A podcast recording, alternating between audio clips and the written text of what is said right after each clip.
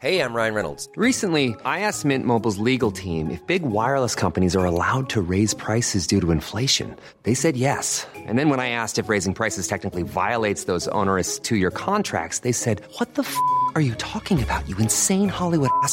F- So to recap, we're cutting the price of Mint Unlimited from $30 a month to just $15 a month. Give it a try at mintmobile.com slash switch. $45 upfront for three months plus taxes and fees. Promo rate for new customers for limited time. Unlimited more than 40 gigabytes per month. Slows. Full terms at mintmobile.com.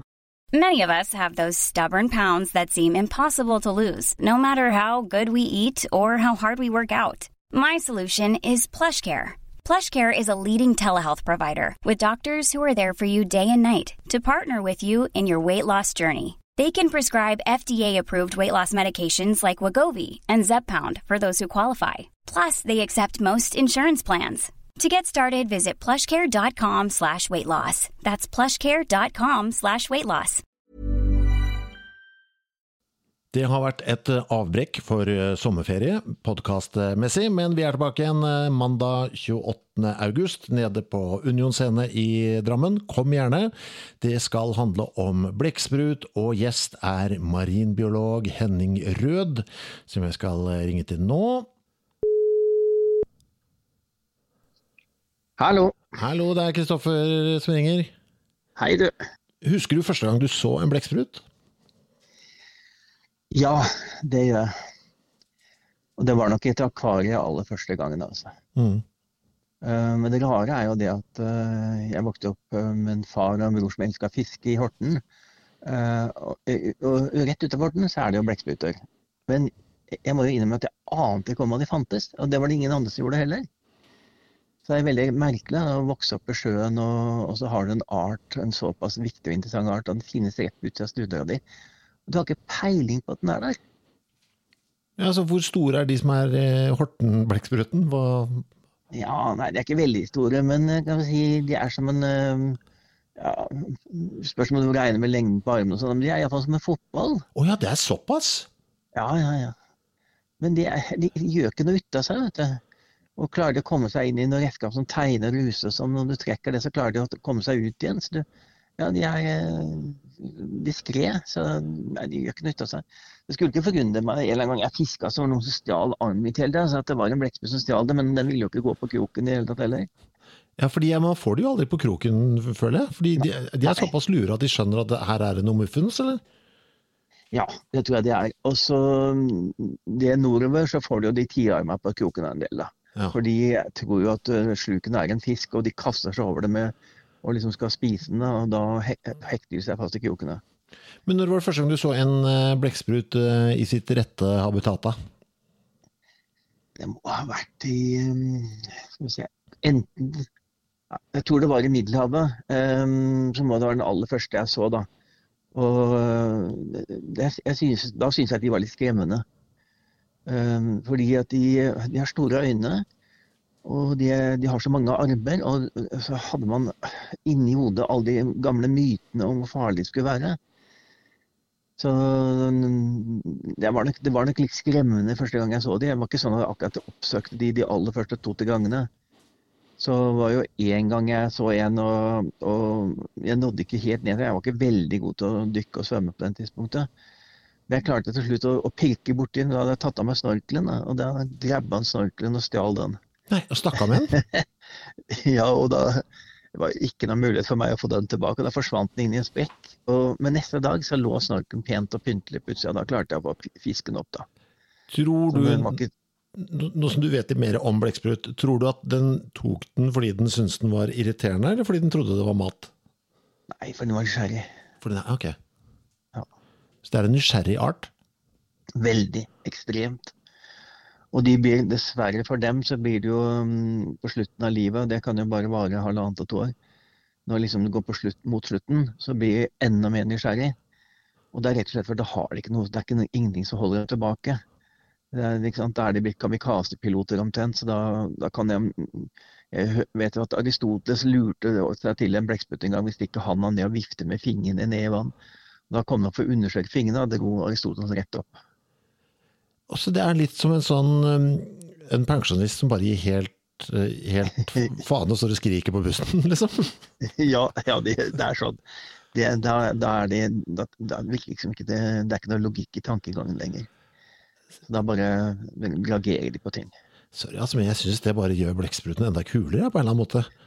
Ja, samme her. Men dette, i antikken så mente de blekkspruten var dumme pga. dette her. da. Å ja. Så da hadde de ennå ikke klart det. Da hadde de ikke klart å få med seg den av hvor intelligent og lure de er. og alt mulig sånn. Da bare så de dumheten. Så i mange hundre år, kanskje tusen år, så hadde vi et sånn- litt sånn dumt bilde av blekksprut. Og det var nok også litt av grunnen til at disse første forfatterne som skrev om blekksprut, uh, kunne liksom utrope en sånn skurk.